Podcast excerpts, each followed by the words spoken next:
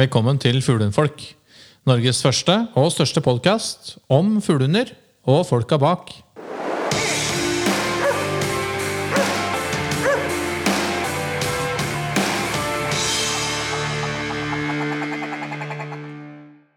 Hei, gutter. Hallo, ja. I forrige episode så snakket vi med Jørn om det å gå på utstilling. Ja. Ja. Eh, og jeg fleipa litt, eller jeg fleipa egentlig ikke. Jeg var uh, egentlig blodseriøs når jeg sa at jeg syns det er litt skummelt. Uh, men Men noe annet som kanskje fremstår som for meg da, enda mer skummelt, er dette med å gå på jaktprøve. Ja, jeg skjønner det at du gruer deg til dette. For uh, Vi har snakket litt om det, men Jørn er jo i tillegg til å være utstillingsdommer også jaktprøvedommer. Ja, han har full pakke der. Ja, og uh, hvert fall sånn Fra utsiden så ser jo um, eh, jaktprøver mer ut som en sånn um, ut som det er mye mer regler. Uh, både for hund og for, for fører-jeger. Um, enn det kanskje er på en, en utstilling. Jo, men, men det du skal faktisk eh, gjøre på en jaktprøve, er jo å på en måte føre hunden din som på jakt. Så hvis du klarer å senke skuldrene litt og tenke på at du er på jakt, og tenke på at hunden din skal jobbe foran deg, og ta terrenget og få muligheten til å gå over det han skal av terreng, ikke sant? Tenke over de tinga der med at man lar hunden få lov til å, å jobbe, da. Ikke drive og distrahere med alt mulig rart, så man liksom bryter søk og alt mulig rart. Ikke får vist det man viser potensialet sitt. Han skal vise både kontakt, og han skal vise søk og bredde, og han skal vise liksom samarbeidet med deg og alt sammen, ikke sant? Han skal eh, han skal ikke bare eh, finne rypa langt uti der og, og den greia. Han skal liksom, det er et samarbeid her. Mm. Resultatet av jakt er jo å få rype i sekken. Så derfor så, så skal det på en måte Du skal tenke sånn at du skal på jakt. Og slappe av. Det er ikke farlig i det hele tatt. Det er skikkelig, skikkelig moro. Vi har jo sagt det folk som har vært i, og besøkt oss og i poden. Alle sier at dette her er helt ufarlig. Og, og folk vil hjelpe deg når du kommer dit òg. Ikke sant? Så det um... Jeg er jo som deg, Espen, en relativt fersk eh, hundeeier. Da, og, men jeg har faktisk tatt steget og både gått på eh, utstilling og på jaktprøve. da. Så jeg kan jo bekrefte det at det er ikke så skummelt. Det, er, Nei, det, det ser er iallfall ut som du overlevde. Du skal stille ut. Det er jo ikke du sjøl som skal verken Du trodde det, du? Hæ? spankulere rundt i ringen eller eh, fly rundt på fjellet og finne fuglen. Det er jo... Det er hun. Men du legger selvfølgelig en viss stolthet i det i huden din nå, så du vil jo at den skal prestere best mulig, men det, det er ikke så mye annet å få gjort enn å senke skuldrene, som Bjørn sier, og så bare slippe på. Så går det som regel veldig bra. Alright. Skal vi bare hoppe i da, og ringe Jørn? Vi hopper, og så får vi noen nye ledetråder for å gjøre dette enda mer ufarlig. Det høres helt fantastisk ut. All right. vi ringer Bjørn, da.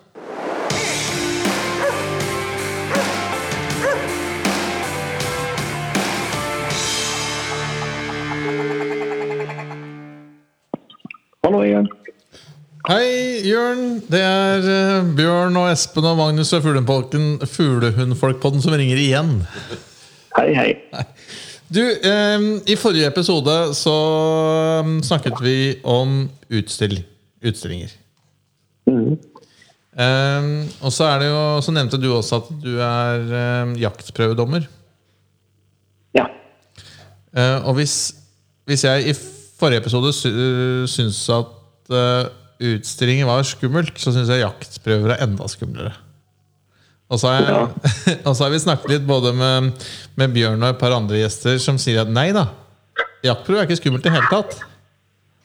Um, men jeg opplever at uh, hvis, det er, hvis det er regler Altså Hvis det er noen regler på utstillinger, så er det mange flere regler. For Det ser i hvert fall sånn ut fra utsiden. da Både for hund og for um, hundeeier på jaktprøver. Mm. Men kanskje du, um, for oss som aldri har vært på en jaktprøve før, om du kunne liksom tatt oss gjennom hvordan en sånn type dag kan se ut. Og Ja. litt sånn hva slags forventninger eh, dommerne og kanskje de andre som går, på, går sammen med deg, har både til deg og, eller til meg og til hunden min. da. ja. Det kan vi prøve. Gøy. Jeg kan jo starte med det helt eh, enkleste og, og kanskje det viktigste. Og det er at eh, for oss som har fuglehunder, så er jaktrøver en sosial arena hvor vi treffer andre med samme interesse. og Veldig mye hyggelige folk og mye frisk luft og muligheten til å drive med noe som vi liker alle sammen. Eh, og så det neste, det er jo at eh, jaktrøver de har jo også et formål på lik linje med, med utstillinger. Så er eh, jaktrøver et arbeidsverktøy.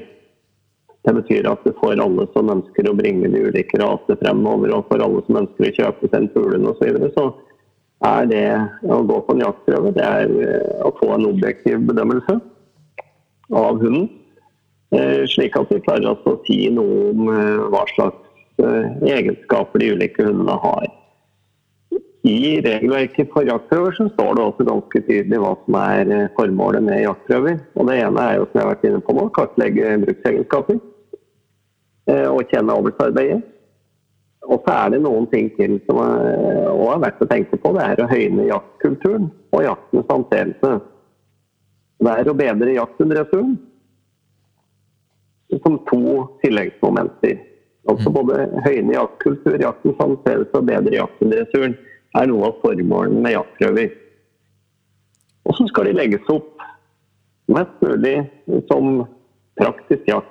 Så Det som er formålet når vi går ut på en jaktprøve, det er at vi skal ut og, og jakte. Omtrent som vi skal tatt med hunden vår alene og gått.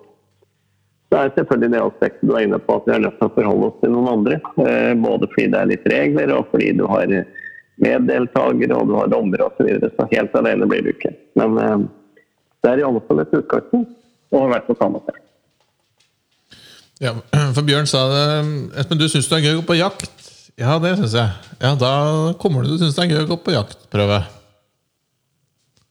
Ja, det, det tror jeg for de aller fleste. Og så er det jo sånn at eh, i tillegg til å være en sosial arena, så får de fleste av oss litt utløp for eh, konkurranseinstinktet vårt. Det er jo morsomt å vise fram hunden sin og se hvor god den er, og, og, og muligheten for å få seg en premie osv. Så, videre. Eh, så det, det er nok et lite konkurranseaspekt der, og det kan vi komme litt til, tilbake til. Eh, fordi det går an å gå for seg sjøl og jakte og kose seg med det uten noe, noe som helst. Men så er det noe med dette her å, å treffe andre og se litt over hvordan er min hund i forhold til andre sine hunder. og Er den god eller dårlig og alt dette her. Det, det er litt eh, spennende for de fleste altså. Jeg kan prøve å dra oss gjennom en eh, sånn eh, dag jeg, som du var inne på. Eh, så må vi vel da ta utgangspunkt i sånn eh, normal situasjon. da. I disse koronatider så eh, vil kanskje prøvene se litt annerledes ut, men jeg, jeg tror vi starter med en sånn ordinær situasjon igjen. Eh, og det er at i, Når man har fått meldt seg på en jaktprøve som du finner på akkurat samme sted som du finner utstillinger, på hjemmesidene til Norsk Kennelklubb, under aktiviteter så finner du terminliste for jaktprøver. Og Da kan man gå inn der og se hvor man har lyst til å, å være med. Så eh, møter man da gjerne opp på prøvens hovedkvarter eh, første dag, og der blir man delt inn i et parti. Og så får man tildelt en dommer, og så får man beskjed om å møte et eller annet sted. Eh, gjerne kjøre etter bilen sånn og sånn, som tilhører dommeren eller noen andre. Og så eh, samles da det antall deltakere som skal være der. Det er 14 stykker maksimalt på et kvalitetsparti, og så er det 20 stykker på et uh, vinnerklasseparti. Kan komme litt tilbake til det etterpå.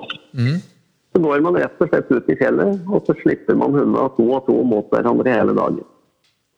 Eh, til dommeren syns man har sett nok av den hunden, eller at man har fått nok sjanser, eller at man har nok eh, eh, grunnlag for å, å vurdere kvalitetene på den hunden. Så får man en kritikk. Det får man eh, både en skriftlig kritikk når dagen er slutt, og så får man en muntlig vurdering gjennom hele dagen.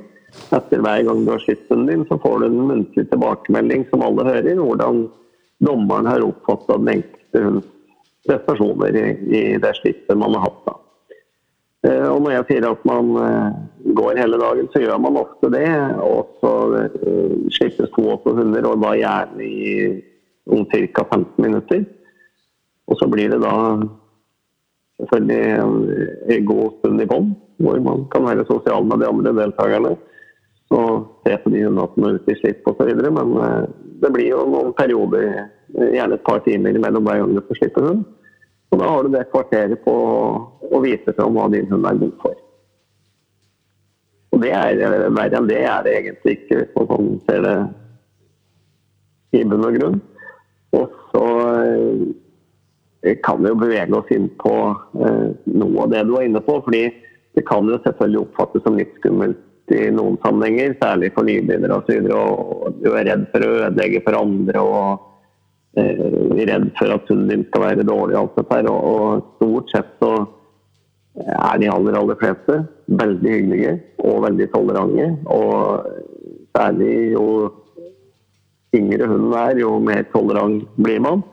Så det å starte opp litt sånn tidlig og få seg litt erfaring både for seg sjøl og hund, det er veldig bra. Og så er det jo selvfølgelig noen ting du bør kunne før du reiser på en jaktprøve, men det kan jeg komme litt tilbake til. Men hvor, hvor tidlig kan man stille på jakthundprøve med hunden? Hun må ha fylt ni måneder Hun må ha fylt ni måneder. første dag. Mm. Ja. Ok. Og da stiller du jo da i Vi kan jo ta det, sånn klasseinndeling. På lik linje med utstillinger så er det jo klasseinndeling også på jaktprøver. Og det er noe av det samme konseptet, men litt færre klasser. På jaktprøver så har du ungdomsklasse, som er da fra, 9 måneder til 24 måneder. Eh, Det vil si at du kan ikke ha fylt 24 måneder eller to år da, på prøvens første dag. Og så er det åpen klasse, som er fra 24 måneder og oppover. Og så har du vinnerklasse til slutt. Eh, De to første klassene, vanlig UK og AK, er kvalitetsbedømming av hunden. Det betyr at når man går ut 14 hunder i sammen, så kan i teorien alle 14 få førstepremie hvis de har en optimal prestasjon etter regelverket den dagen. Og så er det jo veldig sjelden det er sånn, så det, det blir som regel noen som får førstepremie, og så blir det noen som får andrepremie og, og kanskje tredjepremie, og så går de fleste ned uten premie den dagen.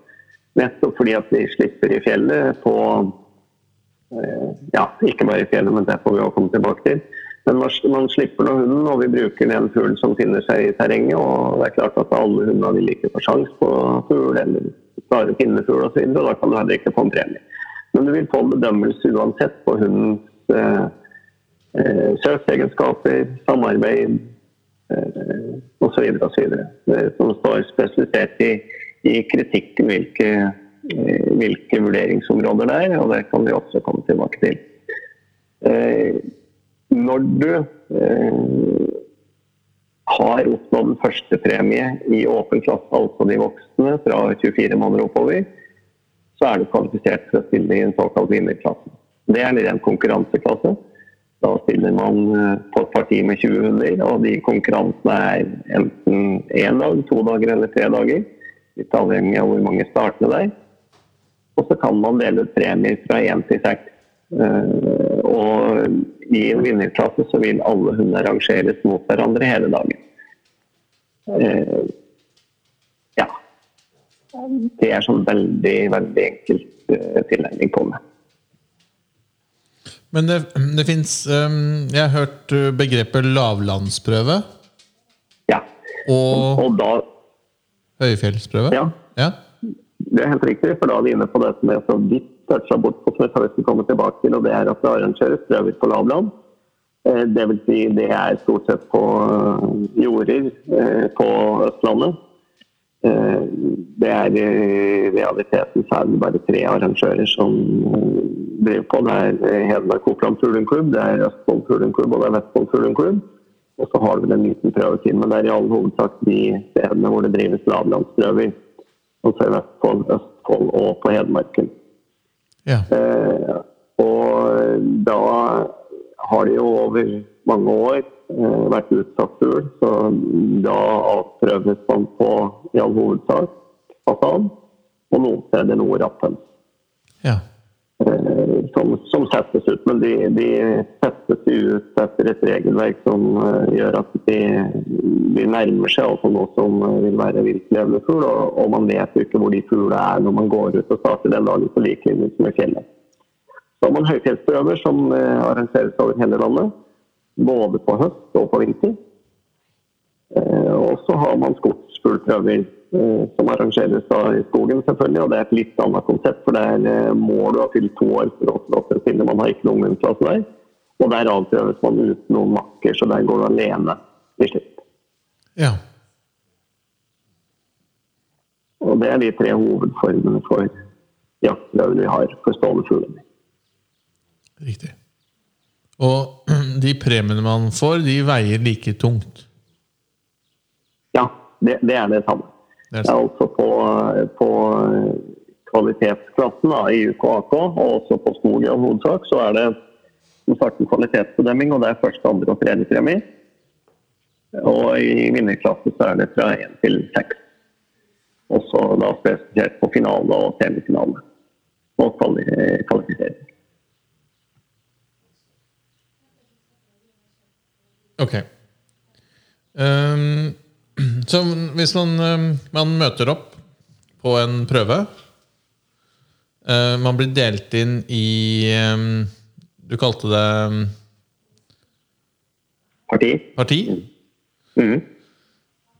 Og så går man ut Hvis det er en høyfjellsprøve, så går man ut i fjellet, og da jobber hundene parvis. Ja. Og blir bedømt mot hverandre. Er det en sånn type sånn cup? Er det, en, er det noe utslags eller får hver hund lov til å vise seg fram flere ganger? Ja, I kvalitetsklasse så er det ikke noe konkurranse. Der bedømmes kvaliteten på den enkelte hunden selv om man går på. Ja, riktig. Eh, så det, så det, er ikke noen form for konkurranse, egentlig. Der uh, slipper man to og to hunder, og kvaliteten på hunden, den enkelte hunden bedømmes fortløpende. Uh, og som sagt, der kan alle hunder i teorien få første premie, eller andre premie eller tredje premie. I praksis så er det nok eh, de aller, aller fleste hver eneste gang som går ned uten premie av forskjellige eh, årsaker. I vinnerklasse så er det sånn som du sier, der eh, går de mot hverandre, og så rangeres de mot hverandre. og Det er også en litt sånn utslagsrunde. Veldig ofte i en vinnerklasse som går over flere dager, da, så er det seks, eh, åtte, opp til ti videre til neste dag. Det betyr at halvparten minimum blir utslått den dagen. Og det de behøver ikke ha gjort noe feil i hele tatt. Det har med den rangeringa som gjøres. Ja, De gjør ikke noe feil, men den hunden de ble matchet mot, var bare bedre? Ja. ja. Okay. Og så blir du selvfølgelig slått ut hvis du, hvis du, gjør noe feil, hvis du bryter regelverket. Det vil si at hvis du f.eks. For forfølger eller jager rype eller eh, eh, ikke sekunderer eller eh, har et for dårlig søk eh, av en eller annen grunn, så kan du avsluttes på den, det grunnlaget også ja. i vinnerklasse. Eh, og hvis vi tar kvalitetsklassene for seg sjøl, da. Eh, først, eller UK og AK, så er det veldig mye likt der. ikke sant? De, de bedømmes opp mot, tenkt, opp mot, et tenkt ideal. Eh, vi har liksom sånn, sånn tenker vi oss at en perfekt fuglen skal, eh, skal, jakte. Og så forsøker dommeren liksom helt uavhengig av rase å bedømme det den dagen. Med det terrenget man har til disposisjon osv. Kan du, eh, kan du si litt om de kriteriene? Det, det, kan jeg, det, kan jeg, gjøre. Jeg skal bare ta, ta liksom ferdig det, det, eh, konseptet som jeg starta på der. fordi at Du stilte et spørsmål om man kunne bli avslutta, og det kan man. I, i unghund så, så, får man gjerne i hvert fall to sjanser hvis man ikke eh, er helt klar, begynner første slipp å leke med makker og litt sånn. Så kan det godt hende man får fem minutter, og så får man prøve seg mot en ny makker. Eller man har gått i 15 minutter, og så er det i utgangspunktet ikke det som dommeren vurderer som et premieringsverdig søk, men du får en ny sjanse. Og for unghunder så ser vi veldig ofte at det er en rask utvikling. Da. Allerede neste slipp så kan det godt hende de har skjønt hva det dreier seg om, og er i gang med et ordentlig søk. Ja. Eh, men hvis det ikke løser seg den dagen, så kan det rett og slett være at det er litt for tidlig å stille på prøve, og det blir avslutta fordi at du ikke har et søk som som eh, kvalifiserer til premie, eller at du rett og slett er så opptatt av makker at du, ikke, eller at du ødelegger for makker osv. Og, så og, og på sikt også for deg sjøl, mm. og kan bli avslutta av den grunn. Hvis du har en hund som er på jakt og og gjør sitt beste, så, så vil du ofte få minst 60 minutter slipp. Ja. Altså fire slipp da gjerne i ungen eller raka. Ja. Ja. Mm, Vi gjerne Kanskje jeg skal ta det med det samme jeg er, hva som liksom er eh, kriteriene da, som, som skal til for å få en førstepremie. Så skal det på en måte eh, være en hund som viser fremragende prestasjoner. Altså en hund som vi tenker at dette er en eh, utmerket jakthund.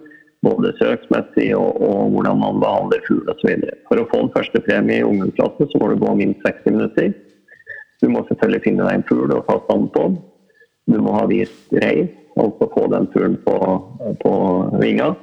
Og det skal være avfluktet skudd, og det skal vise beherskelse i, i, i skudd og oppflukt. Det er kravene for en ung hund. Og så er det litt større krav for en eh, voksen hund. Eh, litt større krav til eh, det ferdig utvikla søket. Litt større krav til dressur, sånn at du skal vise ro i oppflukt og skudd. Og der må man også, for å få en førstepremie, kunne vi fremvise ta fort-bevis, som du gjerne tar på forhånd. Eller vise fort i terrenget. Ja, for I, man, i voksen... Ja. ja, fordi et apportbevis vil på en måte oppveie Eller må den også vise apportering i, på slippet? Nei, man må ikke vise apport på, i kvalitetsklasser. Bortsett fra på skogen. Ok. Eh, Men, men i kvalitetsklasse på Høyfjellet og Lavland så behøver man ikke å vise rapport. Der holder det med et apportbevis for å få en første premie. Riktig. Altså 60 minutter, eh, funnet selvstendig en fugl, tatt stand, eh, fått den på vinga og vist eh, ro i oppflukteskudd, og frembevist et rapportbevis. Sekundering er er ikke, er ikke en sånn kriterium.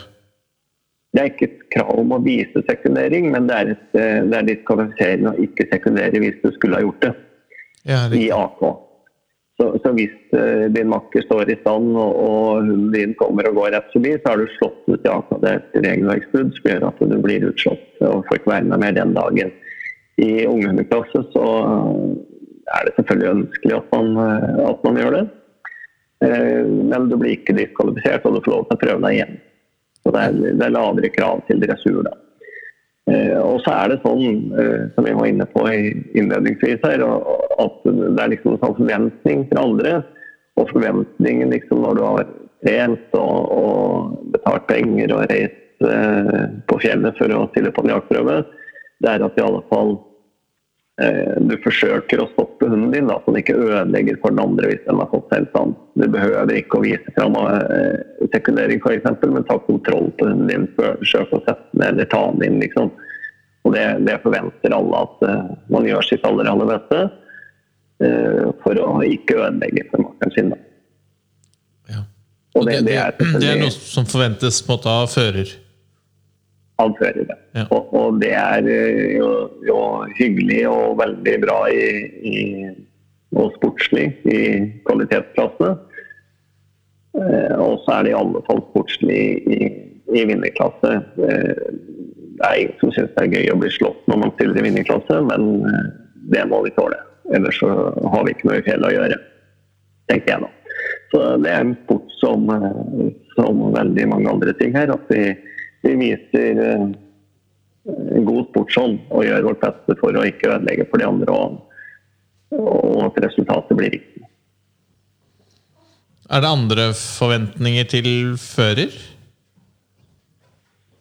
Ja, det er, det er jo forventa at fører opptrer på sånn måte at de ikke forstyrrer den andre hunden. Eh, Vi ser det er mange som går rundt og blåser i fløyte og roper og skriker og løper, og vi skal forsøke å gå stille og rolig, sånn som vi har gjort på jakt. Og la hundene jobbe. Og at man eh, rett og slett oppfører seg ordentlig. eh, Både mot makker og dommer og, og hund. Eh, Det er også et krav at vi, vi behandler hundene våre ordentlig. Ikke noe dressur i, i fjellet på jaktprøver og den type ting. Det må du ha gjort før du kommer på, på jaktprøve. Så det er, det er liksom et krav om at vi oppfører oss som ordentlige jegere og, og går eh, fint og, og prøver å få det beste ut av hunden vår. Eh, Og disse tingene dette er gjennomgående liksom, både på lavland, skog og høyfjell. Det er de Ja, samme kriteriene, kriteriene, egentlig. Samme kriteriene. Og det er som jeg sagt, det er skog som fraviker litt fra det, fordi at der har du ikke noe makker å ta hensyn til. Det er, eh, det er målet ditt liksom å få vist fram din hund best mulig for dommeren på de minuttene du har til disposisjon, uten at eh, du behøver å tenke på en makker i tillegg. Riktig. Det ble mye å tenke på nå, Espen. Ja. Ja. eh, Det er helt generelt, syns jeg. Men Men, men jeg, jeg tenker hvis vi skal gjøre, gjøre dette her veldig enkelt, så det er jo det det handler om. ja. Så er det at vi tar med oss hunden vår, og så går vi ut i fjellet, og så eh, slipper vi hunden løs når vi får beskjed om det. Og så la lar vi hunden gjøre den jobben man skal. Og hvis man har, har vært litt flink på forhånd, eh, og klarer i alle fall eh, to ting, og det er å få den til å sitte, og få den til å komme inn når du skal eh, bytte, så må man komme ganske langt. Ja. Ellers kan man være sosial og, og eh, kose seg ute i den norske natur sammen med andre med samme interesse. Og sånn som jeg har forstått det, altså her, er det, her har man jo litt mer tid eh, sammen med dommer, så her er det mulig liksom, å si at vet du hva, jeg er helt fersk. Liksom. Det her er, jeg er førstereist gutt eller jente. Og, og, ehm, og så, og, og, og så på en måte vet resten av deltakerne på partiet, og ikke minst dommeren, at, du, at, du er første, at det er første gangen. eh, Ja. Og at det kanskje vises noe mer ehm, toleranse, kanskje, da. For uh, Ja. uerfaren både hund og fører. Det, det er helt riktig, og det jeg sa jo ikke det jeg sa, men når man kommer ut i terrenget da, med sitt parti, så bruker dommeren å ta seg litt god tid, og bruker å ha det vi kaller en morgenandakt. Hvor man for det første bare går gjennom hva som er kravene for å få premie, og, og hvor vi skal gå hen, og hvem som er dommer, og eh, litt sånne ting. Og da spør dommeren stort sett alltid om det er noen nybegynnere på partiet.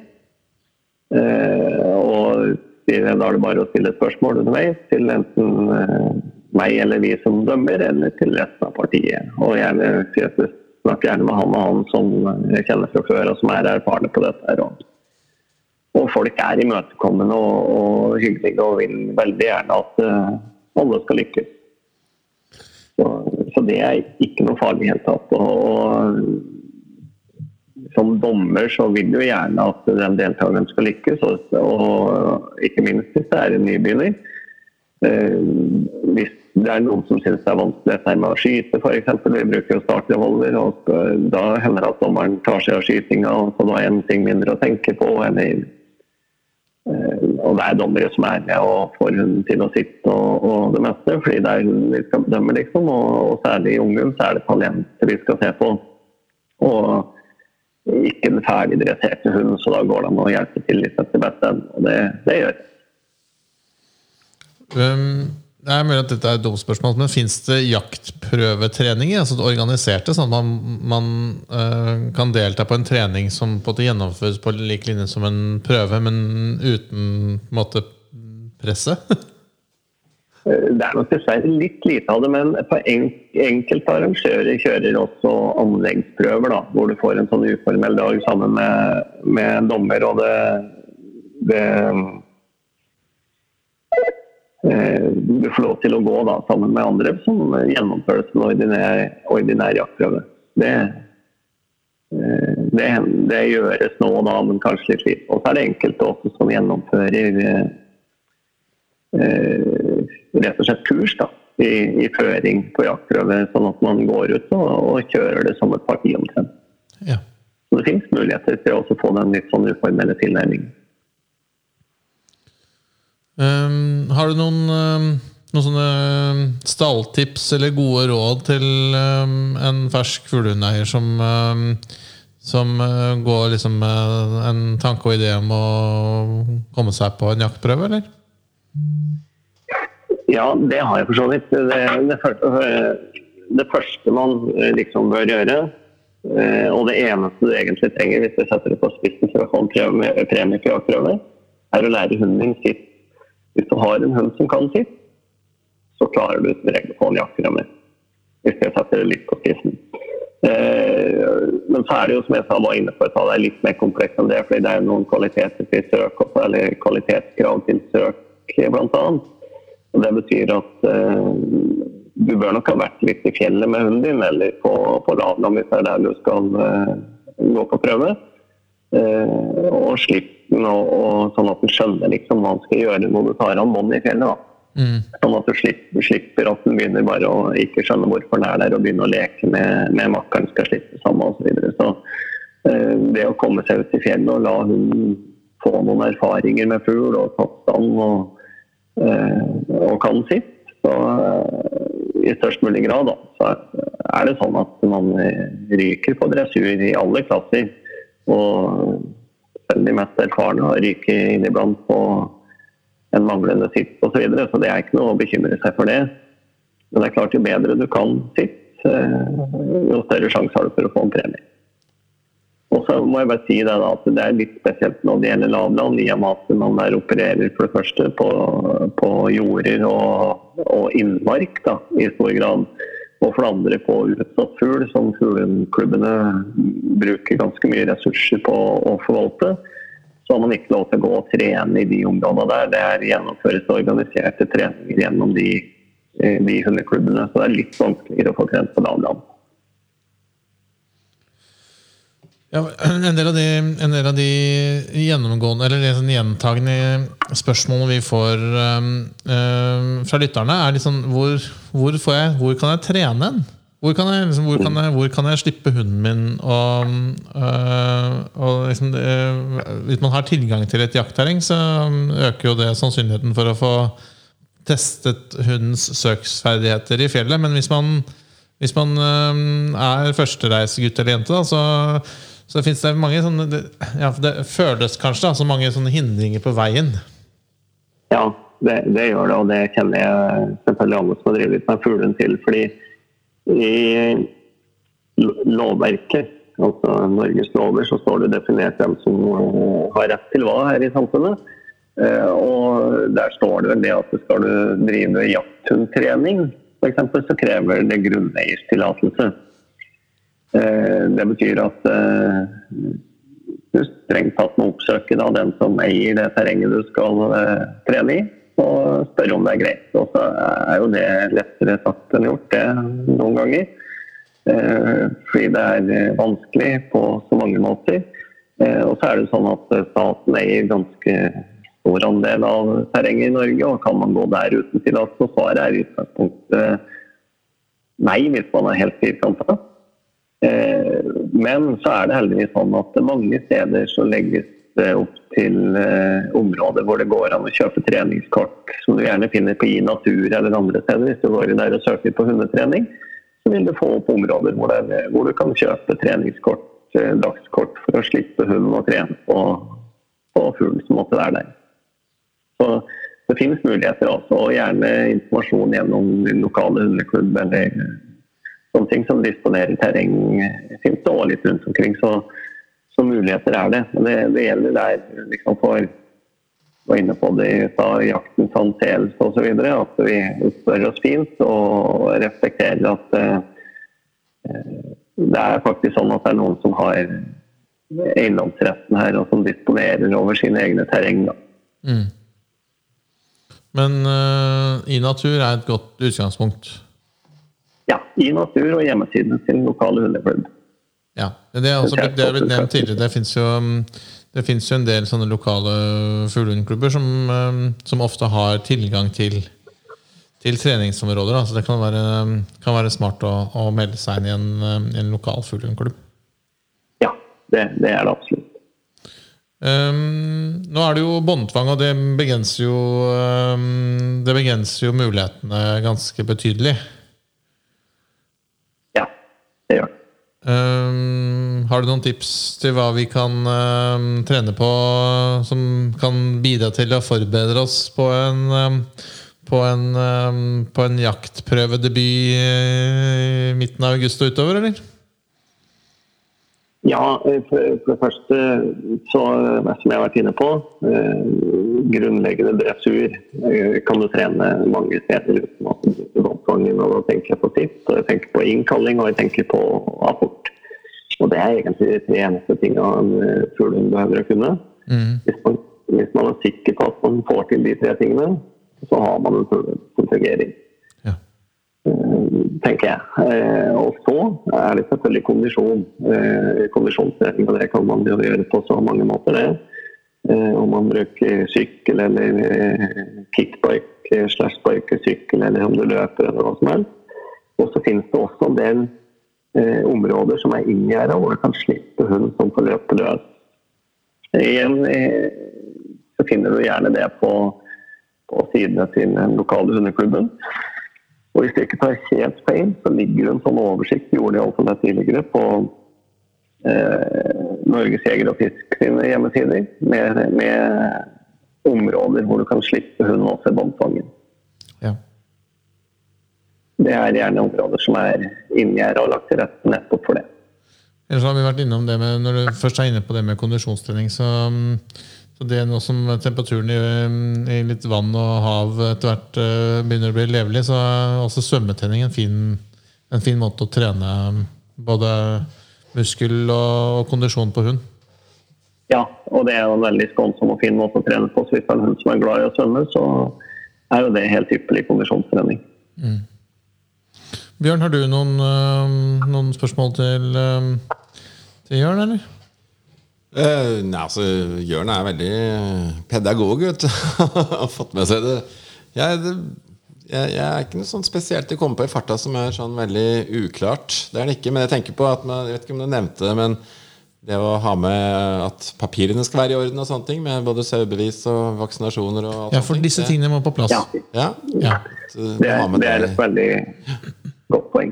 Ha med det i lomma òg når du skal på jaktprøve, ikke bare på utstilling. og sånt, Så du må faktisk vise papirer. eh, For, Ja, så når, når du sier papirer nå, Bjørn, så da, da mener du Nei, altså, Det er jo krav om eh, at hunden din skal være sauerein. Ja.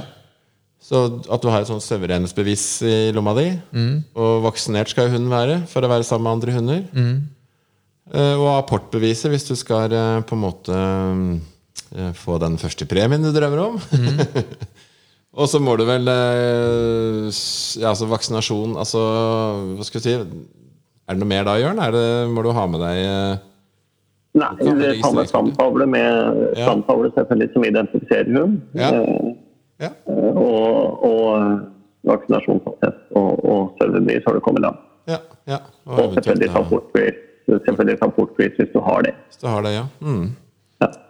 Og ellers så sa jeg at jeg skulle komme tilbake til det i stad, fordi du spurte meg etter kriterier for bedømmelsene. Eh, og det kan jeg si bitte litt om hvis du ønsker det. Eh, fordi når vi slipper disse hundene våre på jaktprøve, så er det i utgangspunktet tre hovedegenskaper som skal bedømmes. Og det er søksegenskapene. Eh, det er viltfinnerevne, altså evnen til å finne fugl. Og det er fuglebehandling, hvordan vi gjør det når vi først har funnet en fugl.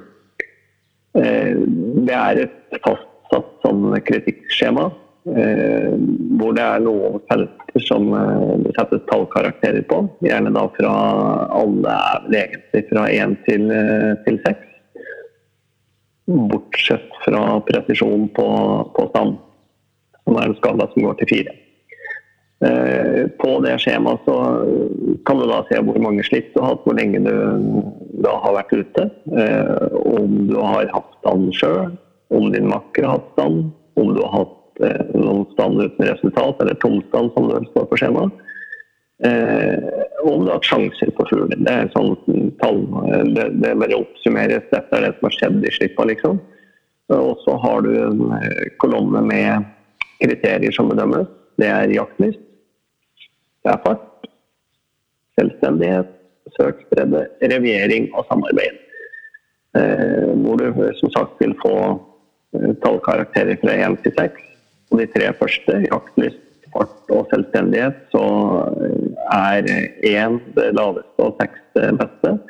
På søksbredde, reviering og samarbeid så er 4 det beste du kan få. Det er liksom eh, idealkarakteren, da. Så eh, den beste karakteren du kan få på et sånn kritikkskjema, er 6, 6, 6, 4, 4, 4. Da har du hatt en god dag i fjellet. Og så Hvis du da i tillegg har hatt en stand og fått skutt og litt sånn, så du kan få på en premiegrad nederst på det arket, så blir det enda bedre dag.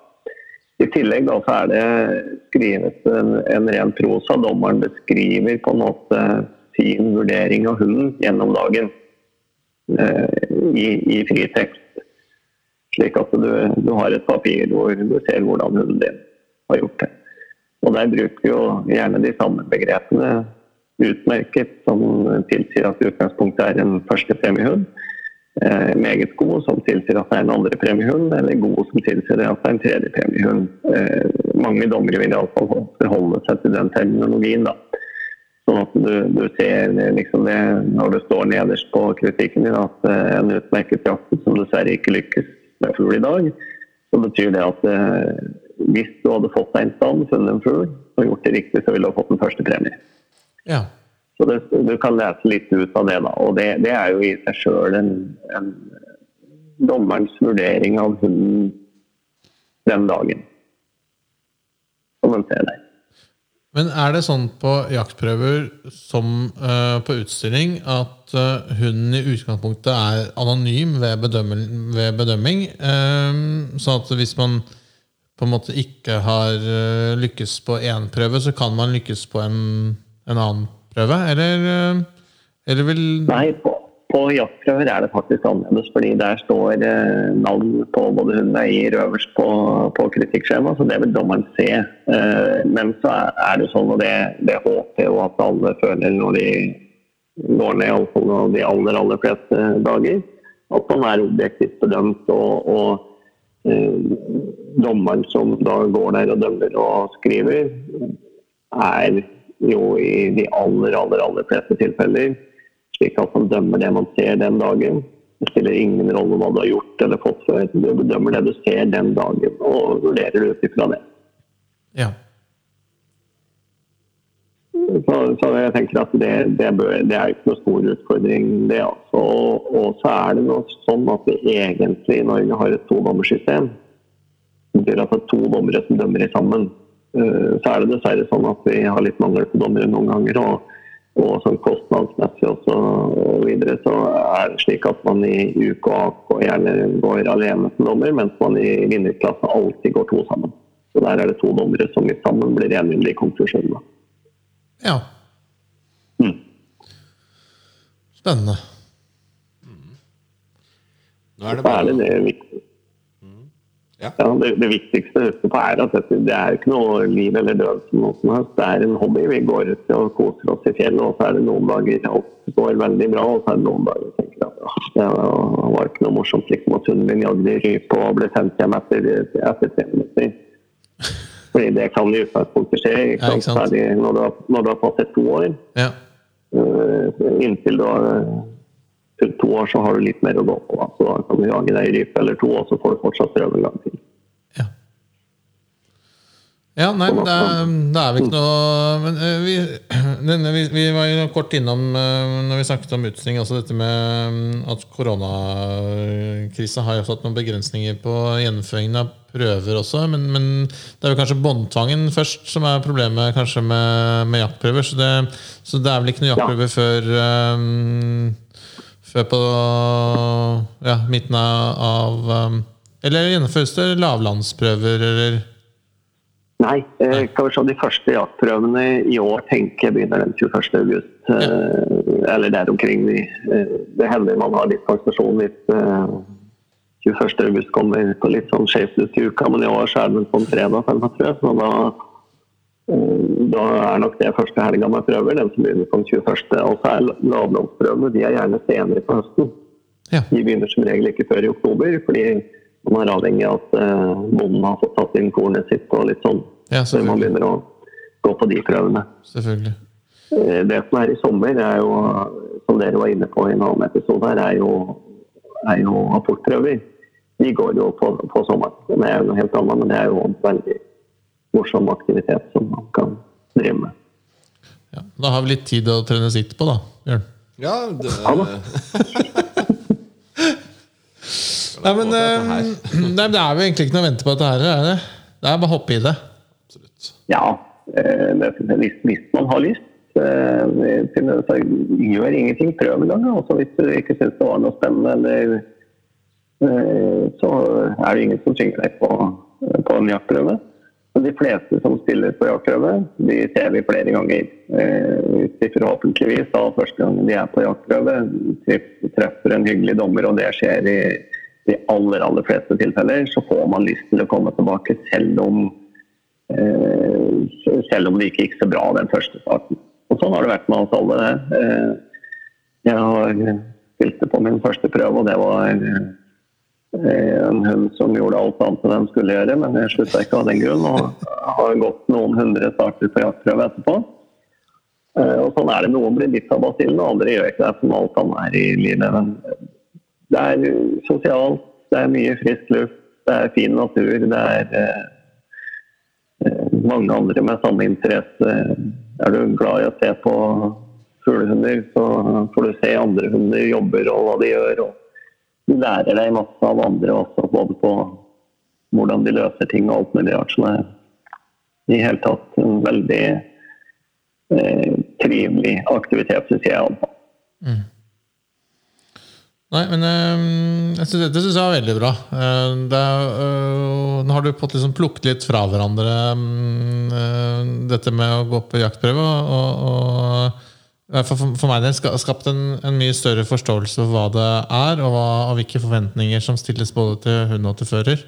Og ut fra det du sier, så er det jo ikke så det, det, det handler vel om å ha hunden altså, ha hatt muligheten til å slippe hunden så at uh, hun skjønner litt hva som skjer, da. Men, men utover det så, så, høres det ut som det rett og slett uh, bare er å, er å, møte opp og Møte opp for premie, ja. vet du, Espen. Ja, bare, bare, gå og hente, bare, bare gå og hente første premie. Ja, ja, bare gå og hente premien, ja. ja. Nei, det er i utgangspunktet sånn. Det er bare å møte opp, og så er det noen som hjelper deg og forklarer deg hvordan ting skal gjøres. Og så får du en bedømmelse, og så får du ikke gjort så veldig mye sjøl annet enn den jobben du har gjort på forhånd. Eh, det tenker jeg er det aller viktigste. Men så vil jeg nok si det at eh, etter hvert så har det blitt såpass kostbart å være med på jaktprøver at jeg hadde ikke giddet å stille på en jaktprøve hvis jeg ikke hadde hatt en stand på hunden min og visste at jeg hadde en mulighet til å stoppe den. Nei, nei, det, det, det er liksom bare å kaste bort eh, kaste bort penger. Da vil jeg heller ha kjøpt meg et treningskort i et eller annet terreng og så drive litt lenger før jeg prøver. For ja. Å stille på en jaktprøve med en hund som aldri har tatt stand på rype, det er det, da, da, gir du deg sjøl iallfall en dårlig odds for at du skal få en premie. Fordi at det er en liten grunn til å tro at den hunden skal skjønne det første gangen den slipper der, sammen med mange andre. og alt mulig rart sånn. Men uh, du nevner uh, hva, hva, koster det? Er det, noe, er det noen fast pris, eller er det opp til hver enkelt uh, arrangør å bestemme prisen? Nei, det er en fast pris, og det koster nå 300 og er det Bjørn? 375 kroner er det for en start ja, i UK og og rundt 400 i VK. Ja, det står i terminlista. Mm. Ja. Så det er, det er reisekostnadene som er det, det som er dyrest? Ja, ja da, men det, det, er klart at hvis og det sier seg sjøl at hvis du har lyst til å gå tre dager De fleste prøver de går jo da fredag, lørdag, søndag, eller eventuelt lørdag, søndag. Så har du kanskje da 700-800 kroner i påmeldingsavgift, og så har du reise og overnatting. Så begynner det å bli ganske kostbart. Så hvis du, har, hvis du vet at du ikke har sjanse til å få den hunden til å sitte når fuglen flyr, så kan du finne på noe annet for de penga. Ja, det er sant. Det er, greit å være litt forberedt. Altså. Det, du, jeg syns nok du bør det. fordi det er jo ganske populært med disse prøvene òg. Sånn at det blir jo ventelister og køer, og folk får ikke være med. Og sånne ting Og så kanskje er, kommer du med en hund som på en måte ikke egentlig har noe der å gjøre riktig ennå. Ja. Så det er nok smart. Og så får du en mye mye hyggeligere opplevelse. Ja, ikke minst. Ikke minst. Mm. Uh, ja. Han vil jo spille seg sjøl god, er det ikke det? egentlig? Ja, ja, så det blir... Det er det. Seg sjøl og hunden. Ja. Begge to. Mm. ja, men veldig bra, veldig bra Jørn. Spennende, ja. veldig, veldig, spennende å høre uh, litt om detaljene rundt, uh, rundt dette med jaktprøve. Og For den som er interessert da, på lik linje som når det gjelder utstilling, så finnes det jo et regelverk som du finner på Norsk Kennel Klubb sin hjemmeside. Også på siden til Fuglehundklubbenes forbund så finner man noe som heter Dommerhåndboka. Eh, den ligger helt åpent der. Der er regelverket beskrevet med en masse detaljer om eh, både hvordan kritikker skal skrives, og hva som bedømmes, og, og de ulike små nyansene i alt dette her. Hva som kreves. Hvordan regelverket praktiseres osv. Så, videre. så det, der går det an å gå inn og lese litt. Og være godt forberedt når man kommer i fjellet. Og termi- terminlister og sånn på, på jaktprøver, de, på lik linje som med, med utstilling, så ligger det på, på Norsk Kennelklubb sine sider, ikke sant? Ja. Under aktiviteter så finner du da en sånn underside som heter terminliste for jaktprøver. Ja. ja men bra. Da er det bare å hive seg av selene og begynne å trene litt, da. Ja, visst er det det. Og jeg håper jeg ser, eh, deg eller andre i fjellet i høst. Og så får vi håpe at uh, situasjonen normaliserer seg såpass at vi kommer ordentlig i gang igjen med Altså, aktiviteten Jørn, som vi er glad i. jeg er redd jeg ikke har noe valg. Altså, jeg tror nå, nå har, Bjørn driver litt aktiv motivering da, for å komme seg på både utstilling og, og jaktprøve. Så hvis ikke jeg kommer frivillig, så kommer han til å kjølhale meg opp dit. Så. No mercy. Det, det, det, det, hender, det hender man må ha litt sånn ytre press for å ta det første steget. Jeg er sikker på at det blir en kjempeopplevelse, så det blir ikke siste gang i så fall. Ja, ja, det, det blir gøy, det. Altså, jeg gleder meg, jeg. jeg, gleder meg, jeg. Ja, men bra, men da, da takker vi for tiden din, Jørn. Ja, det bare mangler. Bare hyggelig. Kan det hende at vi ringer deg en annen gang også? Det går bra. Det er bare å slå på kran, så skal jeg bidra med det lille jeg kan. Så tar vi det derifra. Nå er du veldig beskjeden, da, men eh, ja, vi, har lært, vi, har, nå, vi har lært veldig mye om både utstillinger og, og nå altså jaktprøver, så vi er veldig takknemlige. Ja, men det er supert. Så, så snakkes vi. Det gjør vi, vet du. Ja, vi gjøres. Okay. Ha det. Ja. Ha det Ha det bra. godt. Ha det.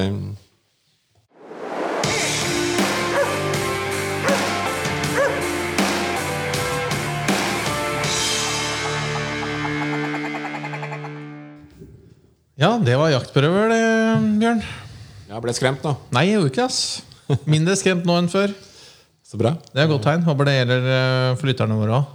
Ja, dette er, ikke sant? Det er, det er så lite du skal egentlig huske på sjøl, her. Det er så mange som, som stiller opp og tar seg av deg når du kommer på ei prøve. Folk syns det er koselig når det kommer nye folk.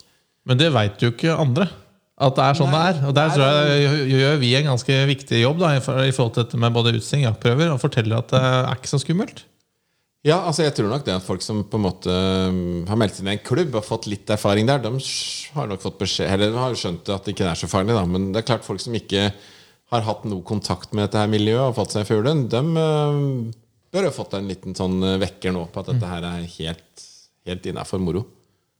Ja, ikke sant? Helt innafor moro. Men øhm, det Det er egentlig en, det er en episode her, er det ikke? Dette er uh, rett og slett en episode. Ja, Skal vi si takk for nå, da? Ja, det, ja, det gjør vi. Så gleder vi oss neste gang. Det gjør vi, altså. Vi høres. Ja, Ha det. Ha det bra.